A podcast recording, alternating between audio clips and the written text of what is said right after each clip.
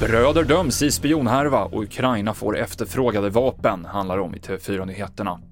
Av de två bröder som stått åtalade för grovt spioneri döms till livstidsfängelse respektive nio år och tio månader av Stockholms tingsrätt för att ha spionerat för Rysslands militära underrättelsetjänst GRU.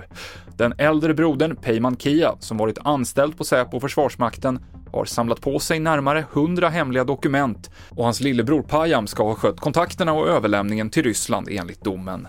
Rättsexperten Johanna Björkman kommenterar.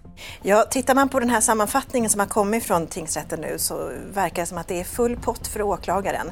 Man menar från tingsrättens sida att Eh, bevisningen är så pass gedigen att, att de här bröderna anses att ha, ha agerat inte bara på egen hand utan tillsammans och i samförstånd. Och eh, man säger också från, från tingsrättens sida här att det här har varit fråga om eh, enormt allvarligt missbruk, skriver man, synnerligen allvarligt missbruk av förtroende från den äldre broderns sida. Det vill säga, han har fått del av information och kunnat, och kunnat ta del av hemliga uppgifter inom ramen för sina anställningar som i sin tur har byggt på ett högt förtroende för honom som person.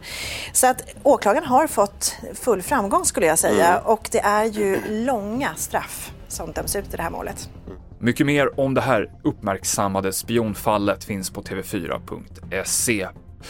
Sverige ska skicka artillerisystemet Archer till Ukraina. Även stridsfordon 90 och pansarvärnsrobotar ingår i ett nytt militärt stödpaket. Vi hör försvarsminister Pål Jonsson. Förra fokuset var på luftförsvar och vinterutrustning. Det var faktiskt vinterutrustning och 10 000 ukrainska soldater som vi skickade iväg, eller närmare två brigader.